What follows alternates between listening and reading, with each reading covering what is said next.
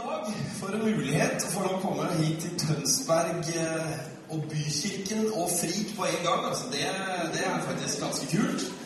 Eh, Jeg må ærlig si, og det er ikke bare sånn ljug som predikanter sier uansett hvor de reiser, men jeg må ærlig si at dette har jeg gleda meg skikkelig til.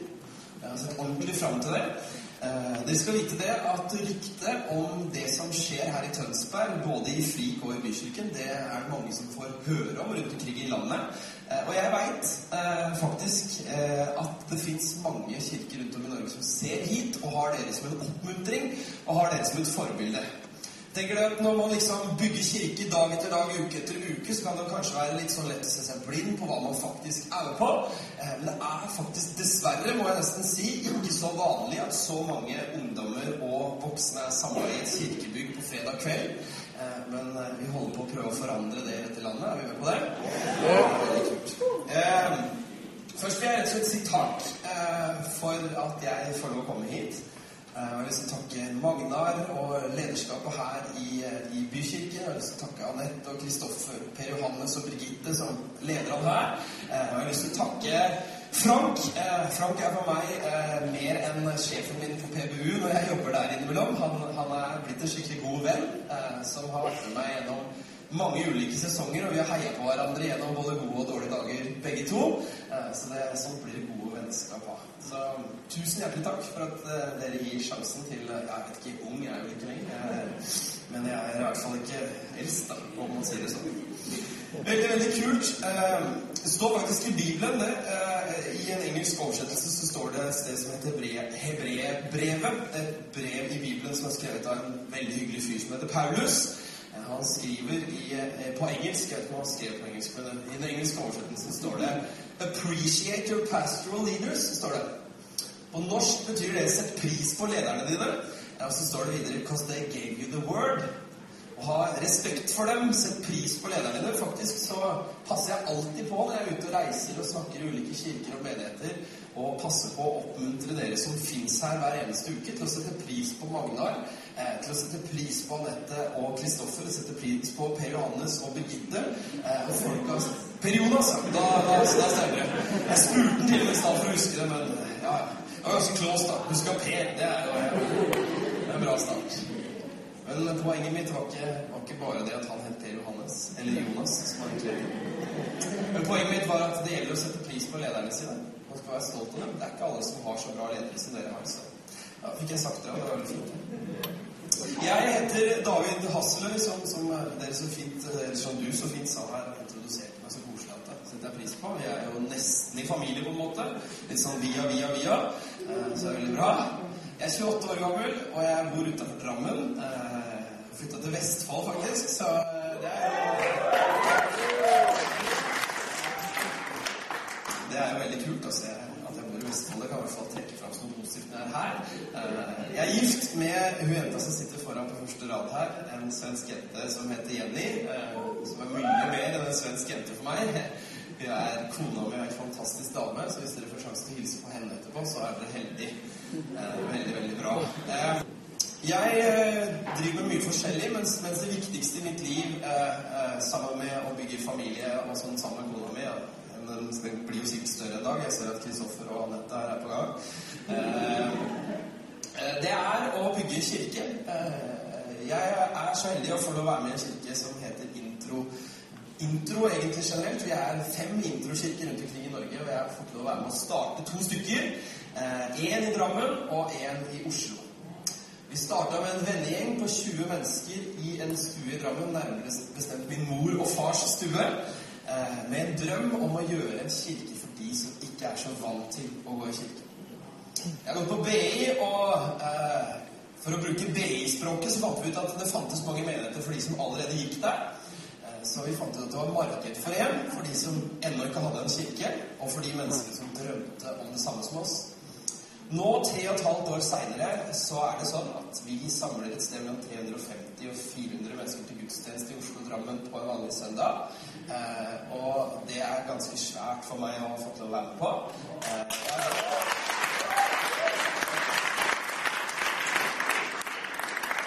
vi er veldig glad for at vi får lov å stå sammen med Jostein og Brit, som er pastorene for alle introkirkene. og er passer alltid på å hilse fra dem, og fra Andreas og Kristine, som er våre pastorer lokalt. Eh, og, og jeg, har, jeg, har, litt lyst til å, å, fortelle litt om den kirken.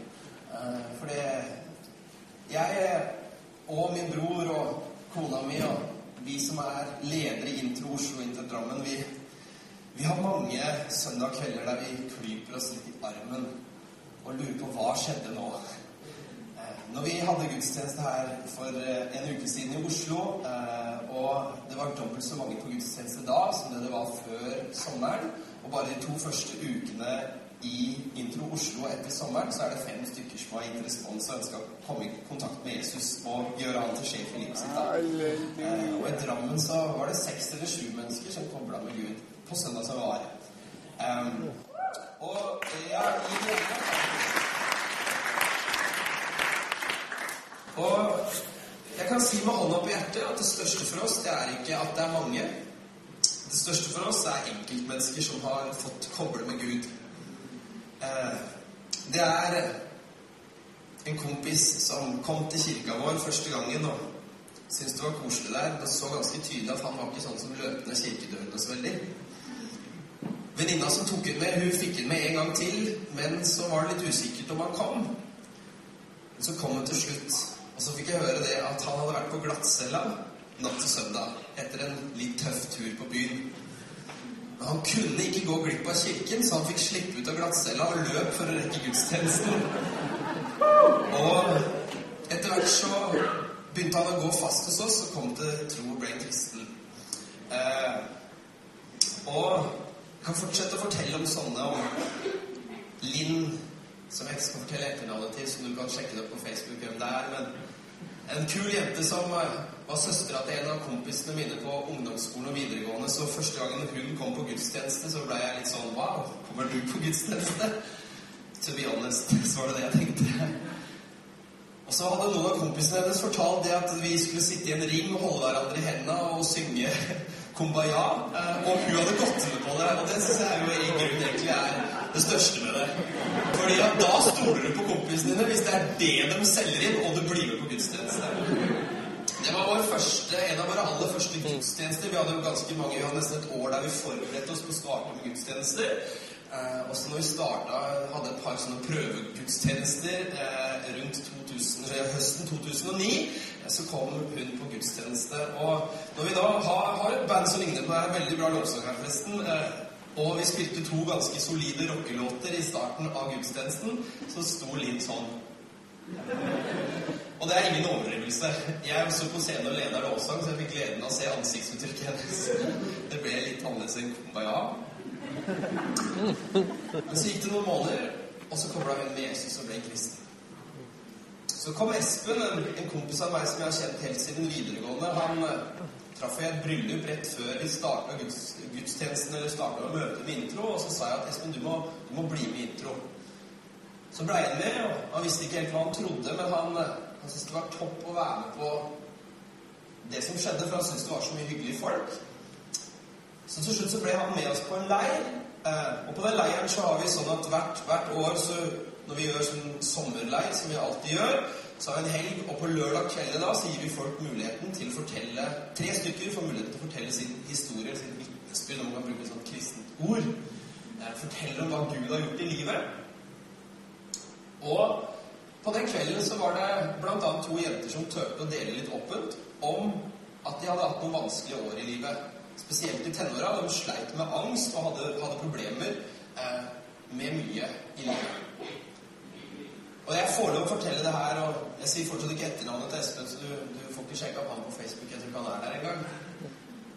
Men jeg får lov å si dette, Espen, at i slutten av det møtet så sa broren min, som er pastor i kirka vår, at, at hvis det er noen som fikk noen tanker når dere hørte disse historiene, kan dere gjerne komme fram og si det. Vi var en bitte liten gjeng. Da var vi 30 stykker på camp. Det var liksom før vi egentlig hadde starta på ordentlig. da.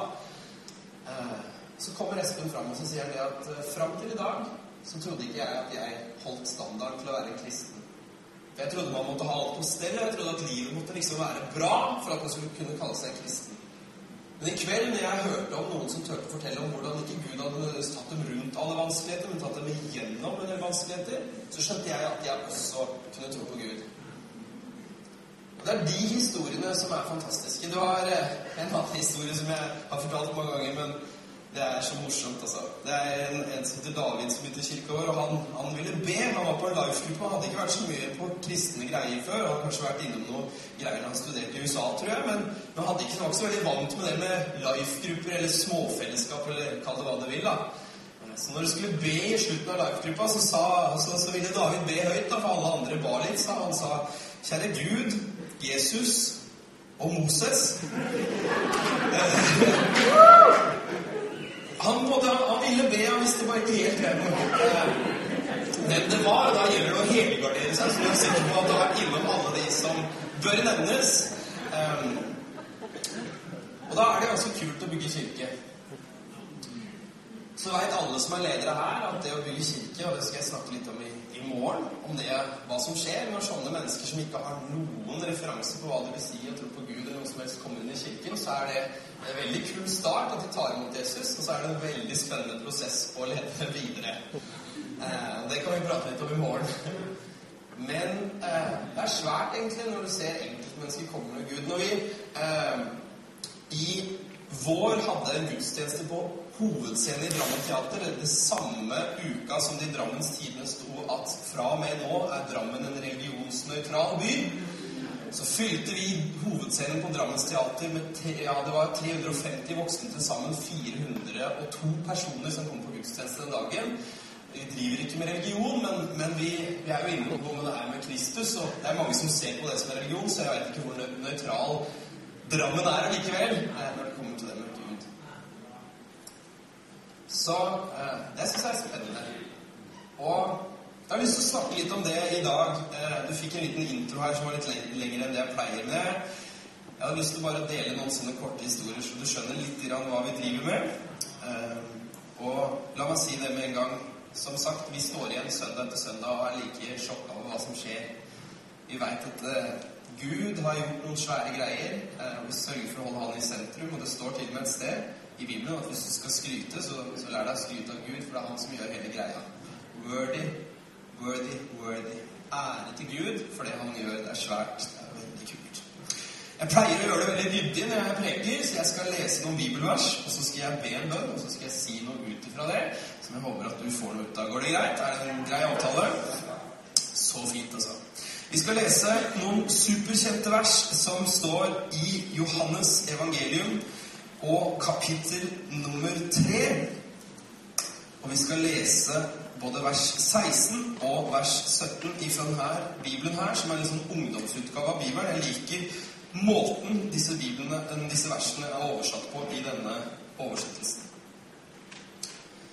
Vi leser Gud elsket jo menneskene så høyt at han ga sin eneste sønn det var Jesus. For at alle som tror på han ikke skal gå fortapt, men ha evig liv. Det var jo ikke for å dømme noen at Gud sendte sin sønn til verden. Det er jo interessant å vite. Men sønnen kom hit for å frelse hver enkelt. Si hver enkelt. Hver enkelt. Si hver enkelt. Hver enkelt. Det var altså ikke for å dømme noen Gud sendte sin sønn til verden, men sønnen kom hit for å frelse hver enkelt. Et annet bibelvers i Efeserbrevet, et annet brev som Paulus, en fyr som har skrevet nesten to tredjedeler, nei, ikke to tredjedeler, men en tredjedel av Bibelen, eh, han skriver til efeserne noen folk som hadde menighet i Efesus, derav efeserne. Det er ganske logisk når du først får litt forklaring på det. Og han skriver i Efeserne kapittel 3 og vers 20 har kanskje en litt annen oversettelse, men du henger med. Han som virker i oss med sin kraft og kan gjøre uendelig mye mer enn det vi ber om og forstår. I en engelsk oversettelse står det He can do super abundantly, far over and above every, everything you could ever hope, dream or imagine. Wow. Det er Gud som kan gjøre det. Han kan gjøre langt større ting enn det du tør å be om. Han være ære i Kirken og i Kristus Jesus gjennom alle slekter og i evigheter. Amen. Så jeg syns det er bra sagt. Amen. Når Gud gjør svære ting gjennom oss som er uperfekte mennesker, så er det så lett å vite hvem som skal ha kreditten for det. Det er han som skal ha ære i Kirken og i menigheten. Forever and ever. Amen. Siste bibelvers jeg skal lese raskt før jeg skal gi meg inn på det jeg har lyst til å snakke om. Eh, eh, Jeg har lært av faren min å alltid starte med å lese bibelvers. Da sier han at hvis du gjør det, så har du eh, Da har du i hvert fall liksom sagt noe bra, og det, det er en bra start, tenker jeg. Andre Korinterbrev 5 og vers 17 sier som følger at nei, den som er i Kristus, han er en ny skapning. Det gamle er borte, se det nye er blitt til.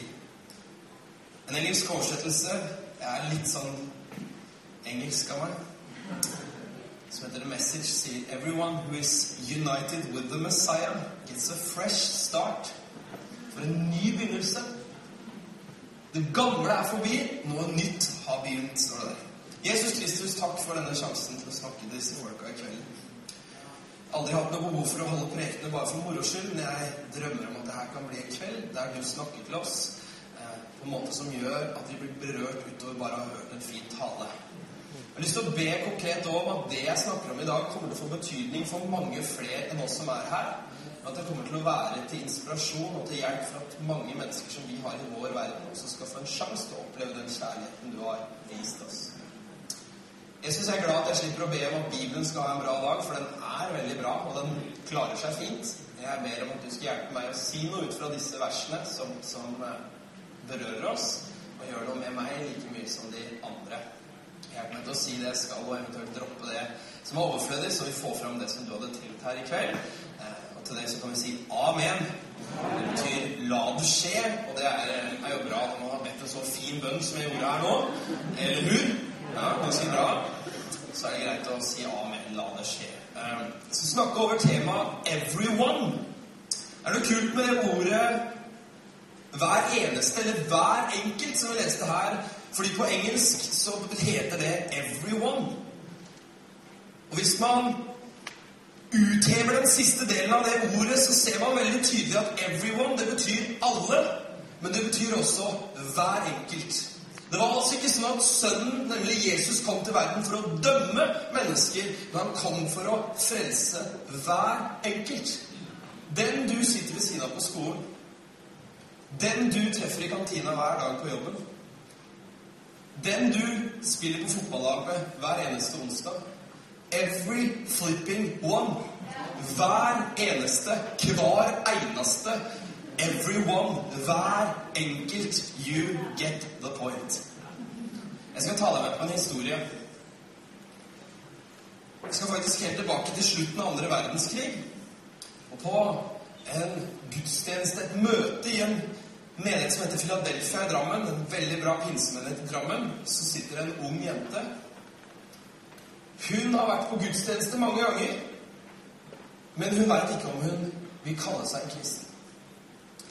Det er en eldre dame som synger i musikken i den kirken, som synger i det koret, som synger på de fleste møtene, som har lagt merke til den unge jenta, spotta henne kveld etter kveld, søndag etter søndag. Så den dama, hun kjenner denne kvelden at Gud banker på hjertet hennes for å gå over til den unge jenta og si at i kveld er det din tur til å ta imot Jesus. Hun tar motet til seg. Hun føler egentlig at hun stepper litt ut av båtripa, tar en sjanse.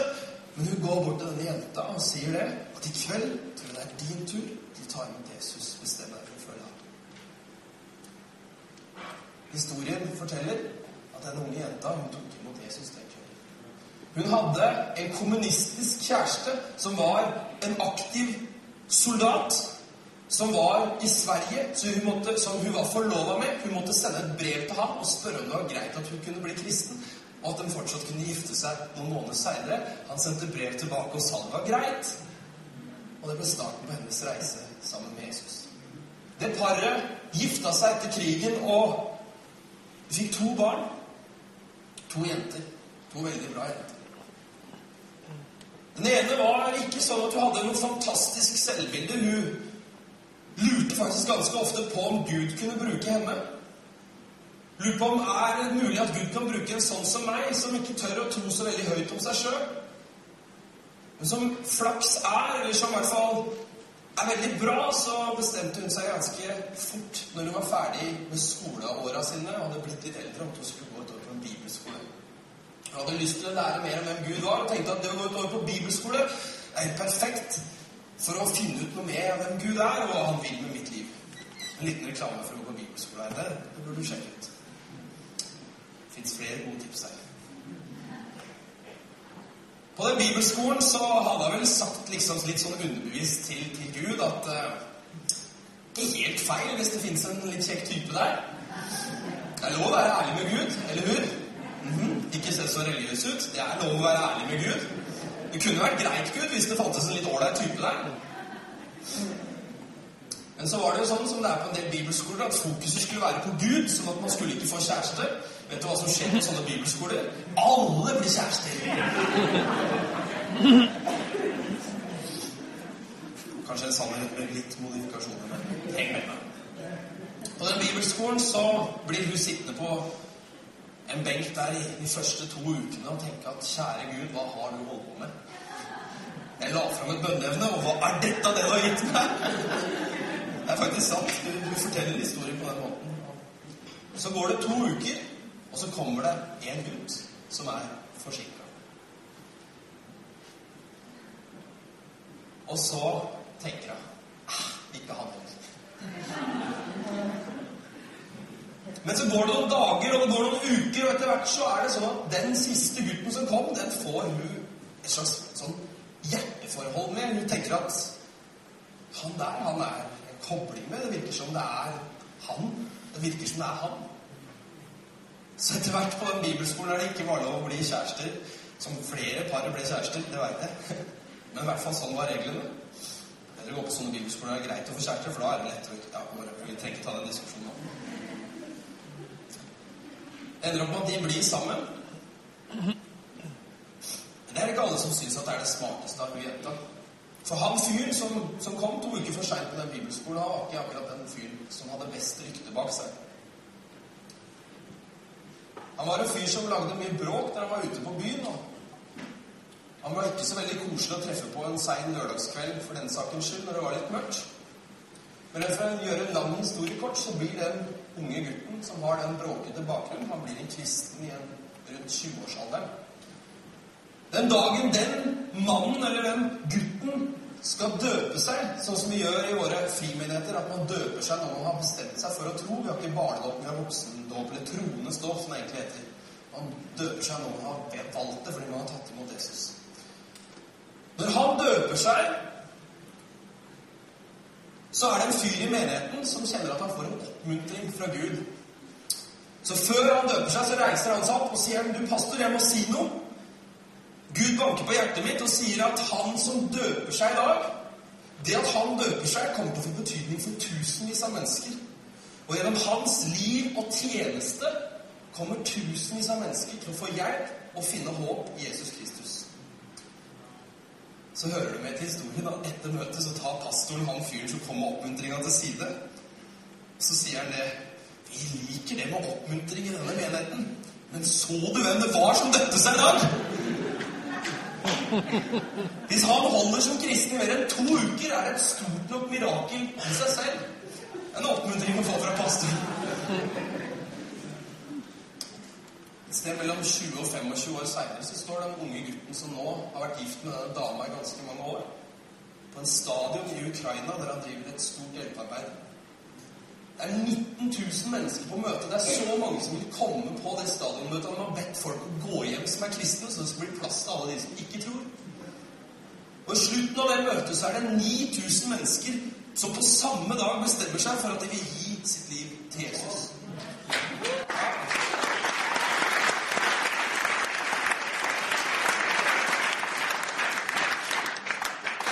Og idet han står der og skal be frelsesbønn, som vi kaller det, det å hjelpe folk til å ta imot Jesus ved å be en enkel bønn fra hjertet,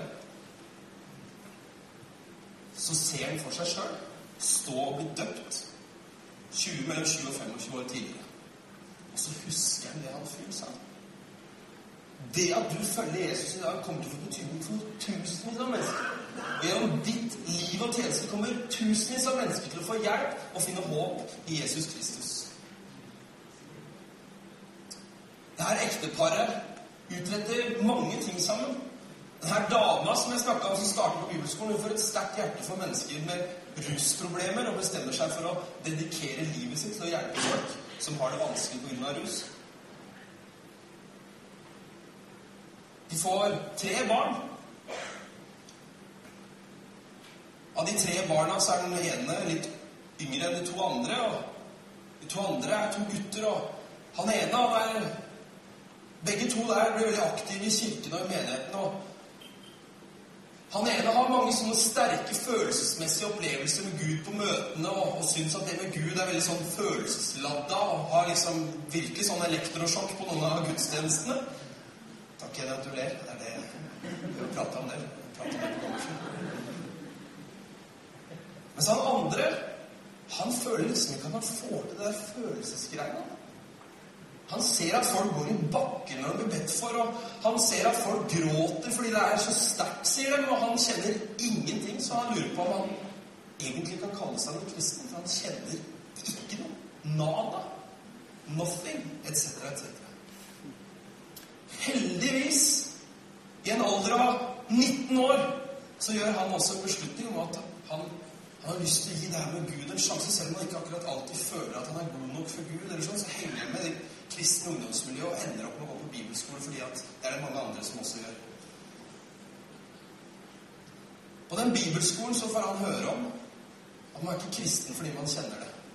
Man er kristen fordi Guds ord sier at den som tror på Jesus, den er Guds barn. Har, alle de som har tatt imot ham, ga han rett til å bli Guds barn. Vet du hva det gjør med den unge gutten? Det skaper en trygghet. Skaper en sikkerhet på at det er ikke faktisk sånn at når jeg kjenner meg frelst, så er jeg kristen. Det er ikke sånn at når jeg absolutt har like mange følelsesmessig sterke opplevelser som de andre får tydeligvis på møtene, at jeg er kristen. Men det er fordi Bibelen sier at de som tror på Jesus, den er frelst. Den ballasten som han får i løpet av det året, det gjør at han blir en ordentlig god ungdomspastor ganske få år etter at han er ferdig på den bibelskolen. En ungdomspastor som kanskje er spesielt god til å hjelpe de menneskene som følte seg akkurat som han, og som faktisk, kanskje for første gang, virkelig får høre at troen, kristelivet, handler ikke først og fremst om følelsene og erfaringene, selv om det er fantastisk med de. Men det handler om å kjenne Jesus og gjøre han kjent fordi du tror på ham. Noen år seinere leder han Intro Drammen Oslo heter Andreas Hessløv og er min. Og når vi nå veit konsekvensene av at den dama som satt på den gudstjenesten i Philadelphia Drammen 60-70 år tidligere, tok et valg om å følge Jesus, da blir det ganske verdifullt å hjelpe nye enkeltmennesker til tro på ham. En pastor i en svensk menighet som heter Levi Petrus, en av de aller første som starta sånne pinsemenigheter som jeg er med å representere. Han opplevde at menigheten hans vokste masse på begynnelsen av 1900-tallet. Og en journalist kom til han og spurte kan du forklare meg hva som har skjedd her. Dere fyller jo lokaler så folk må sitte i trappene for å komme inn på gudstjenestene deres. Hva er det? Og, de, og journalisten brukte ordet vekkelse. Ordet vekkelse det betyr at masse folk blir kristne på en gang. Et overnaturlig fenomen.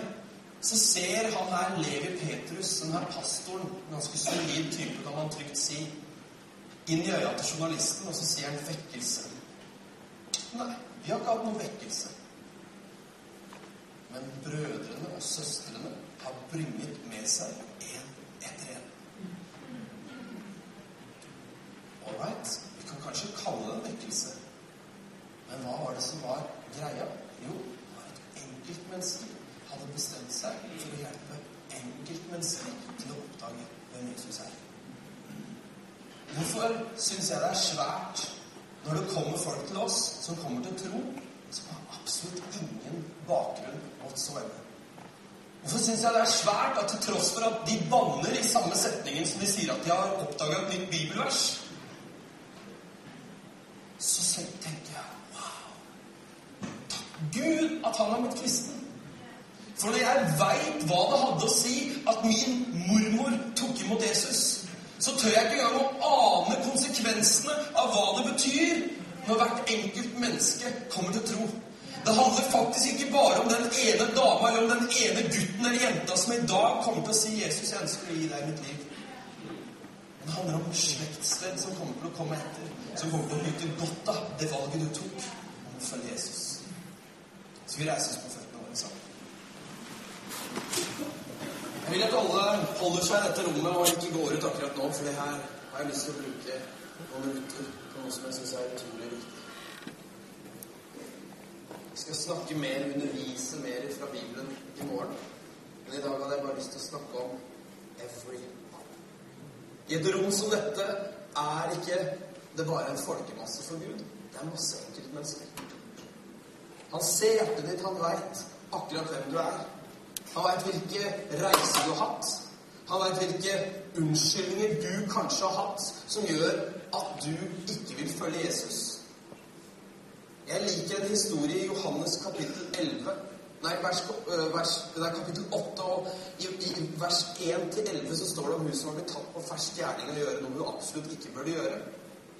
Og så sier Jesus til disse som har kommet for å anklage denne dama, at den av dere som aldri har gjort noe feil, kan få lov å kaste en stein på hun dama her.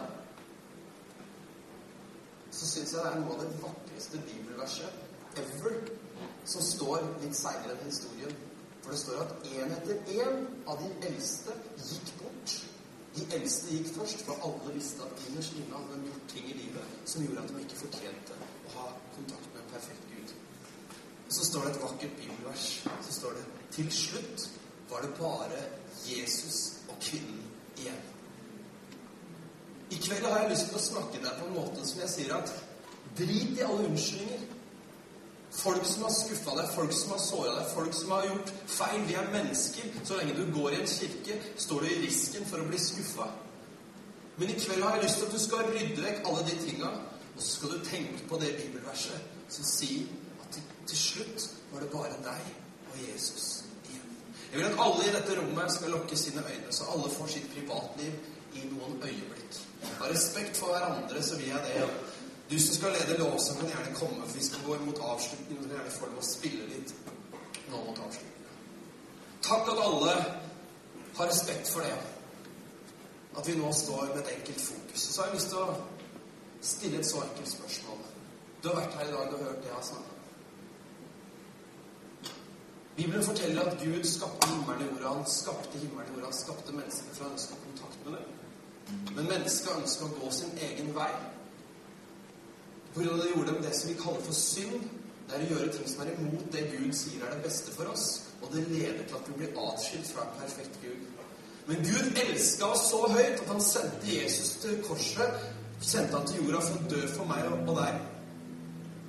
Så at om vi tror at Jesus døde for oss, så skal vi ikke gå fortapt, dvs. Si leve en evighet helt uten Gud. Men vi skal ha mulighet til å ta og få komme i kontakt med Jesus her i kveld og for evig. Mens alle øya lukka rundt omkring i salen, så har jeg lyst til å stille det her spørsmålet som jeg tenker er det viktigste. For når jeg veit hva det betydde at min mormor ga sitt liv til Jesus, så veit jeg at den unge jenta visste ikke hva det kom til å innebære, verken for henne eller for hennes familie. Men det veit vi nå. Derfor det valget du tar i dag, om du vil følge Jesus, om du vil ta imot hans tilgivelse, om du vil si ja, Jesus, jeg tror at du døde på et kors for mine synder, men jeg tror også at du sto opp igjen, og at du lever i dag. Var det bare deg og Jesus igjen. Det handla ikke om hva kompisen din sa, det handla ikke om hva venninna di mente om det, men det handla om at du sa 'Jesus, jeg ønsker å gi mitt liv til deg'. Den kjærligheten du viste meg ved å dø for meg, den ønsker jeg å ta imot i dag. For om noen tar imot Jesus, så er det gamle forbi. En ny historie har begynt. Kom til å telle til tre, og du som kjenner at nå banker det her inne Jeg vet at jeg trenger å ta et valg for Jesus i dag. Stem meg for å tro på ham og følge ham. Ta imot hans tilgivelse. Og tro på det, den han er. Så skal jeg telle til tre, så når jeg sier tre, så kan du løfte hånda di. Nummer én, jeg tror at det fins folk her inne som trenger å ta den beslutningen i dag. I et sånt rom så er det helt obvious at ikke jeg kjenner alle, men Gud, han kjenner deg. Jeg sier to at det Jesus gjorde når han døde på korset De gjorde det ikke bare for noen få utvalgte som var oppvokst i kristne familier, men de gjorde det for hver enkelt. Han kom ikke for å dømme deg, men han kom for å dø for hver enkelt. Og jeg sier tre at hvis det er deg, så kan du løfte hånda di høyt nå, så veit jeg at jeg skal ta med deg i den bønnen som vi nå skal straks be, der du skal få lov å invitere Jesus inn i ditt liv. Gud velsigne deg, Gud velsigne deg, Gud velsigne deg, Gud velsigne deg, Gud velsigne deg, Gud velsigne deg. Gud velsigne deg. Er det flere som ønsker å ta et valg for Jesus i dag? Gud velsigne deg. Hold hånda di fortsatt litt høyt oppe mens alle har øya lukka. Så jeg vet hvem det er jeg ber for i slutten av møtet her når vi skal be sammen. Hold hånda høyt oppe. Gud velsigne deg. Gud velsigne deg.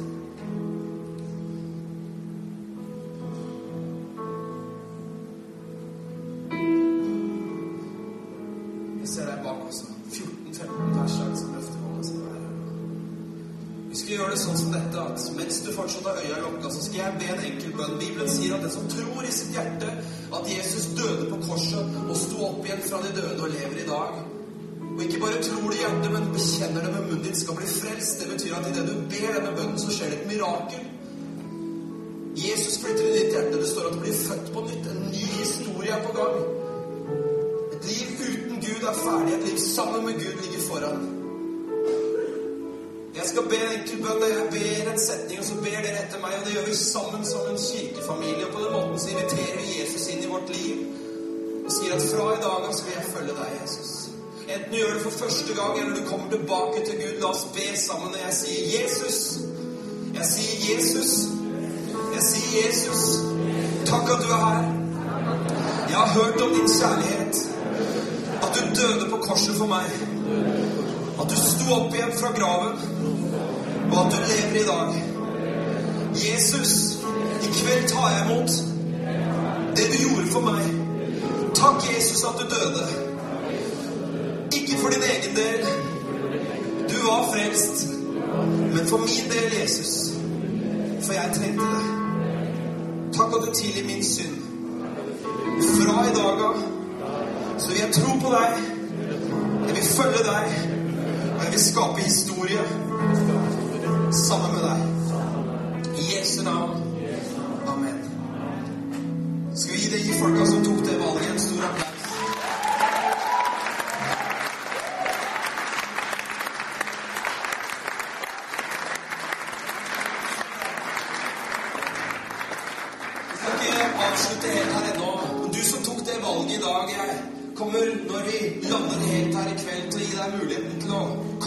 På sida her.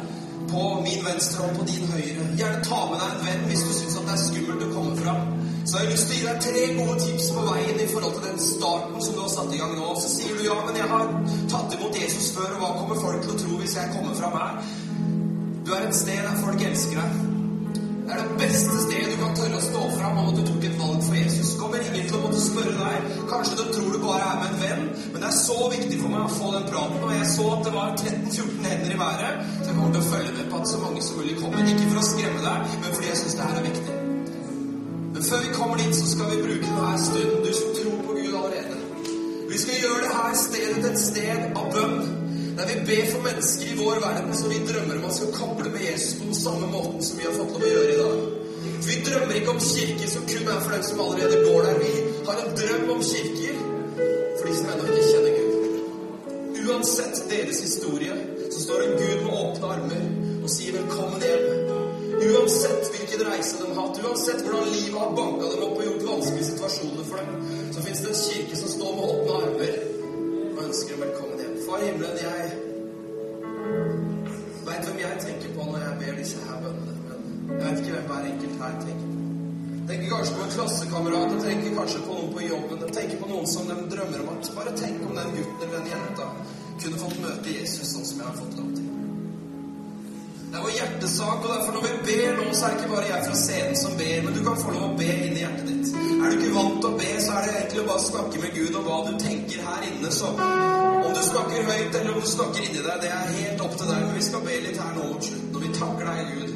For at denne gudstjenesten, dette møtet, denne starten på Elevate ikke bare handler om de menneskene som allerede er her, Men det handler om de menneskene som så høyt har elska deg. En Gud som ikke er der for å dømme dem, som dessverre altfor mange tror, men en Gud som ønsker å møte dem med kjærlighet og si at 'jeg tror på deg', 'jeg har skapt deg', 'jeg elsker deg', og 'jeg har en plan for ditt liv'. Gud, du veit akkurat hvem vi tenker på.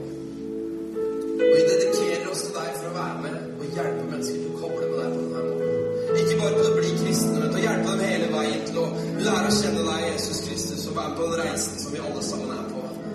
Vi takker deg for det i Jesu navn.